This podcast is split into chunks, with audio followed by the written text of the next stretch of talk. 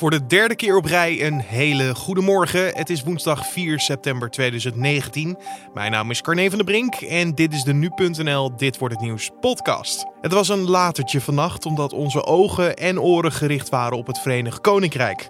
Waar ze gisteravond in het Britse lagerhuis gestemd hebben of er vandaag gestemd gaat worden over een motie die een no-deal brexit tegen kan gaan. Als het parlement een no-deal uh, verbiedt dan krijgt premier Johnson in feite de opdracht om naar Brussel te gaan en te zeggen: we hebben nog een verlenging nodig. Je hoorde nu.nl-redacteur Matthijs Lou en hem hoor je straks uitgebreid over deze kwestie. Maar eerst kijken we naar het belangrijkste nieuws van nu.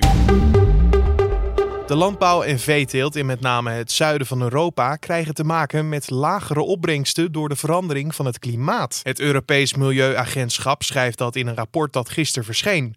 Extreme weersomstandigheden en hogere temperaturen kunnen er zelfs toe leiden dat de agrarische sector in delen van de landen rond de Middellandse Zee uiteindelijk verdwijnt. Hoewel de prijzen kunnen stijgen, loopt de voedselvoorziening geen gevaar. Het is volgens de onderzoekers van groot belang dat boeren zich verder aanpassen om weerbaarder te zijn tegen droogte, hittegolven en overstromingen. Beleidsmakers moeten hen daarbij helpen, is het advies. Alle 34 passagiers die tijdens de brand op de boot de Conception beneden deks lagen te slapen, zijn omgekomen. Dat zeggen Amerikaanse autoriteiten. 20 lichamen van hen zijn inmiddels geborgen en de zoektocht naar de resterende 14 lichamen is voorlopig gestaakt. De identiteit van de slachtoffers zal door middel van DNA-onderzoek moeten worden achterhaald, want het vuur heeft de lichamen zodanig verbrand dat alleen het geslacht van de personen vastgesteld kon worden. Naar verluid gaat het om 11 vrouwen en 9 mannen. En het is nog steeds niet bekend hoe het ruim 20 meter lange vaartuig vlam kon vatten. De kustwacht werd in de nacht van zondag op maandag om 3 uur s'nachts door middel van een noodoproep op de hoogte gesteld van het uitgebroken vuur. Maar hulp mocht toen al niet meer baten. En de Oranje Vrouwen hebben dinsdag ook hun tweede wedstrijd in de kwalificatierace voor het EK van 2021 gewonnen. In Heerenveen werd Turkije eenvoudig met 3-0 verslagen. En Nederland had vrijdag al tegen Estland gespeeld en die wedstrijd wonnen de Leeuwinnen met 0-7.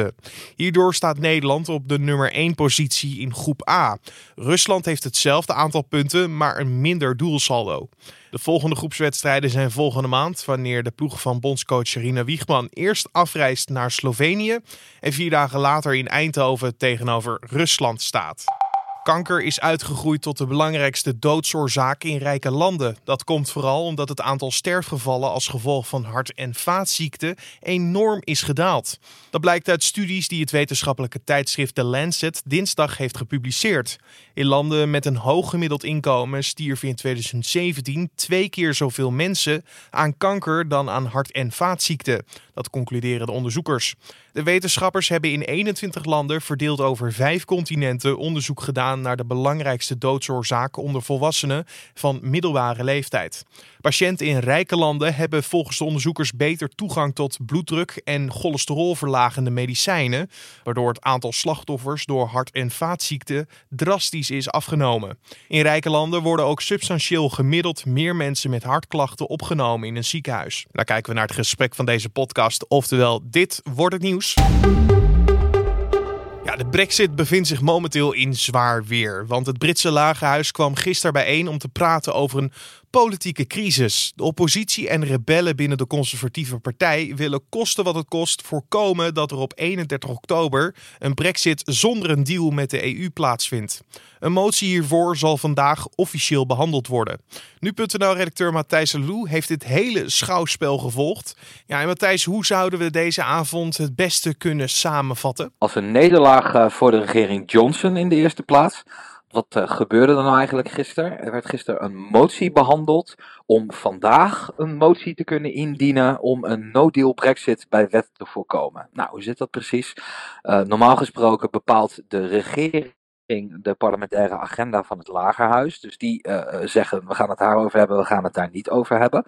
Nu heeft uh, de oppositie samen met enkele conservatieve rebellen dus gisteren ingediend om die parlementaire agenda vandaag over te kunnen nemen van de regering. Zodat er kan worden gesproken over uh, wetgeving tegen een no-deal Brexit. Dat is gelukt. Uh, ze hebben gewonnen met 328 stemmen tegen 301 stemmen. En uh, daarmee is de eerste horde op weg naar die no-deal wetgeving genomen. Het was een lange avond, maar was het eigenlijk nog lang spannend of die motie er uiteindelijk doorheen zou komen dat ze daarover mogen gaan stemmen? Ja, de marges die zijn vrij klein en er was heel veel afhankelijk van welke conservatieven zouden overlopen. Het was niet vanzelfsprekend dat ze dat zouden doen, want de regering Johnson heeft een ongekend harde lijn getrokken. Die heeft gezegd: alle conservatieve parlementariërs die tegen ons stemmen of die uh, zich onthouden van stemming, die worden uit de conservatieve partij gezet. Dus die gaan uh, concreet gezien vanaf uh, dit moment gaan ze door als onafhankelijke parlementariër. Dus ze behouden hun zetel wel. Maar bij de volgende verkiezingen worden ze niet meer op de kieslijst van de conservatieve partij gezet. Zo, dat is inderdaad wel een, een risk die je moet nemen inderdaad. En een, een groot offer die je brengt, natuurlijk wel voor je achterban. Ja, en, en het ziet er toch naar uit dat een, een stuk of 16 uh, conservatieve parlementariërs uh, ervoor hebben gekozen om uh, dat offer te brengen. Ja, en vanavond gaan ze dus weer debatteren over deze motie en dan ook definitief stemmen. Kan het parlement hierdoor ook echt uh, een stokje voor een no-deal Brexit steken? Ja, wel voor de no-deal Brexit die op de 31ste moet plaatsvinden. Dat is uh, 31 oktober. Dat is de datum dat het Verenigd Koninkrijk eigenlijk standaard uit de Europese Unie klapt. Dat is bij wet vastgelegd dat dat dan gaat gebeuren. het parlement wil dus voorkomen dat dat gebeurt. Als het parlement een no-deal verbiedt, dan krijgt premier Johnson in feite de opdracht om naar Brussel te gaan en te zeggen: we hebben nog een verlenging nodig. Uh, de oppositie die wil dat het dan in ieder geval tot 31 januari volgend jaar wordt verlengd, zodat uh, de Britse politiek meer tijd krijgt om toch een, een soort uittredingsovereenkomst uh, op te tuigen en, en aan te nemen, nog belangrijker. We hebben bij premier May, de voorganger van Johnson, gezien dat dat niet zo makkelijk gaat. Haar uittredingsovereenkomst die werd drie keer weggestemd, omdat het Lagerhuis er niet helemaal over eens kon worden wat ze wel willen. Ze wisten wel wat ze niet wouden, een no-deal Brexit, maar wat er dan wel moest gebeuren, dat was onduidelijk. Dat is eigenlijk nog steeds het geval. Uh, de regering Johnson die zit in de tussentijd ook niet stil. Uh, Boris Johnson die kondigde gisteravond meteen nadat uh, de uitslag van die stemming binnen was, kondigde hij aan dat zijn regering een motie zal, in, in, zal indienen pardon, voor vervroegde verkiezingen. Daar wil ik het straks zeker even met je over hebben, maar ik wil je eerst nog eventjes reageren op die motie in zijn totaliteit. Want kunnen we nu zeggen dat het parlement eigenlijk de macht heeft overgenomen van de regering van Johnson? Dat probeert het parlement wel. Uh, nu is het natuurlijk even de vraag hoe dat zal uitpakken. Als er vervroegde verkiezingen komen, dan uh, wordt alles weer uh, op de langere baan geschoven. Dan liggen alle mogelijkheden weer open.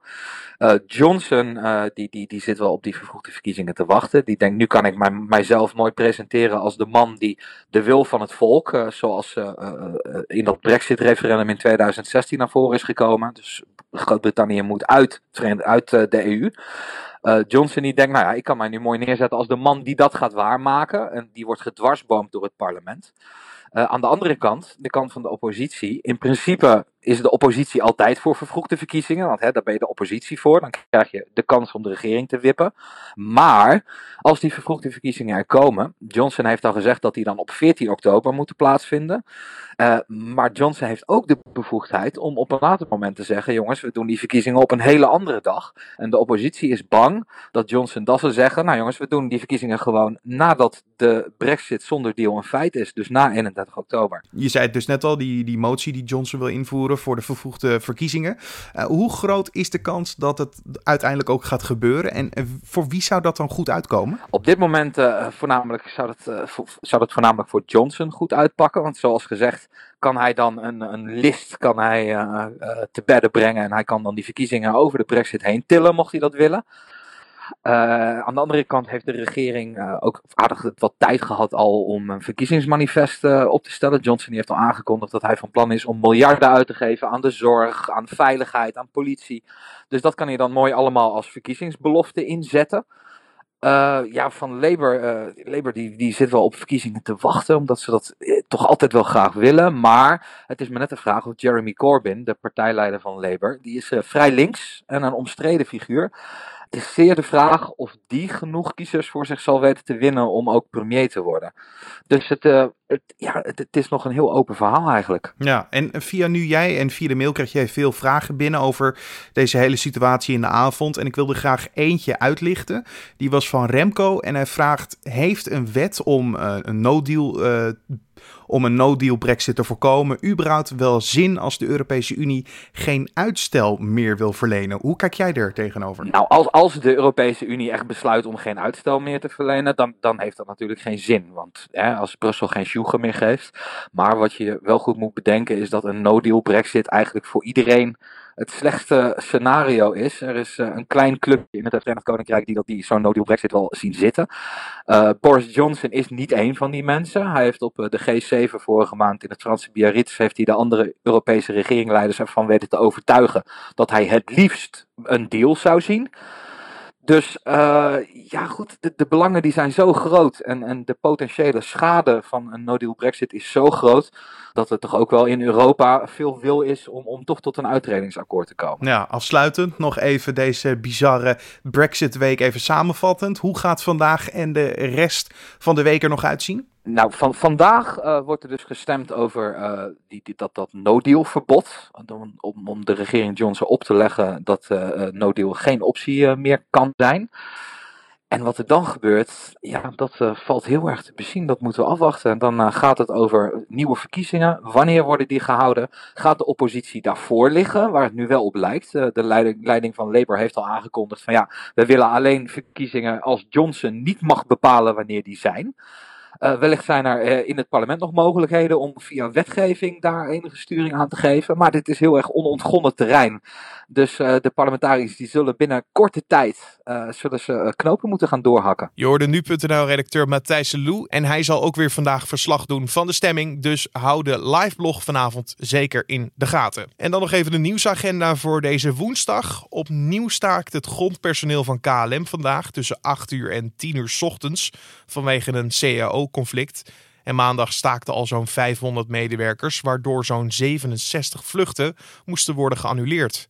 Vakbond FNV wil onder meer een loonsverhoging van 8% in twee jaar tijd, een minder flexibel rooster en meer mensen in vaste dienst.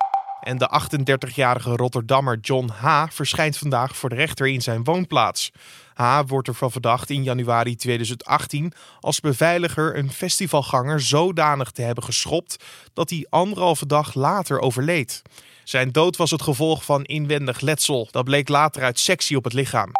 En de Nederlandse volleybalsters zetten de jacht op de Europese titel voort. De ploeg van bondscoach Jamie Morrison staat in de kwartfinales tegenover Duitsland-Turkije. Oranje hoopt voor het eerst sinds 1995 Europees kampioen te worden. Want bij de laatste twee edities in 2015 en 2017 werd de finale verloren. En dan nog even het weer. In de ochtend begint het in het noordwesten te regenen. En de regen trekt daarna langzaam van west naar oost over het land. In het oosten en zuidoosten schijnt eerst even de zon en wordt het dik 20 graden. En elders ligt het maximum rond 18 graden vandaag. En om af te sluiten nog even dit. Ja, dat je tijdens een orkaan je medemens helpt is meer dan normaal. En de plaatselijke huisdieren in huis nemen is ook zeer nobel te noemen. Alleen Chella Phillips brengt dit naar een heel ander niveau door 97 zwerfhonden in huis te nemen. Dit deed zij om alle viervoeters te beschermen van de orkaan Dorian. Op Facebook schrijft ze dat 79 van de 97 honden in haar slaapkamer zitten. En daar zit alles inmiddels onder de uitwerpselen. Maar gelukkig respecteren ze mijn bed en springen ze daar niet op, voegt ze nog toe.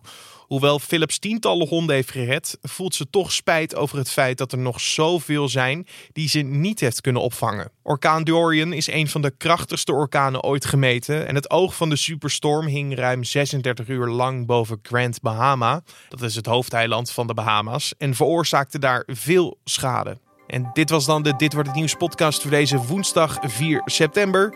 Wij zijn elke ochtend om 6 uur ochtends op de voorpagina van nu.nl en in je favoriete podcast app te vinden. Je kan je gratis abonneren op deze podcast. Zo weet je namelijk zeker dat je geen aflevering mist. En je kan ons ook laten weten wat je van deze podcast vindt door een recensie achter te laten in iTunes of een mailtje te sturen naar podcast.nu.nl. Mijn naam is Carne van den Brink. Voor nu wens ik je een hele mooie woensdag en tot morgen.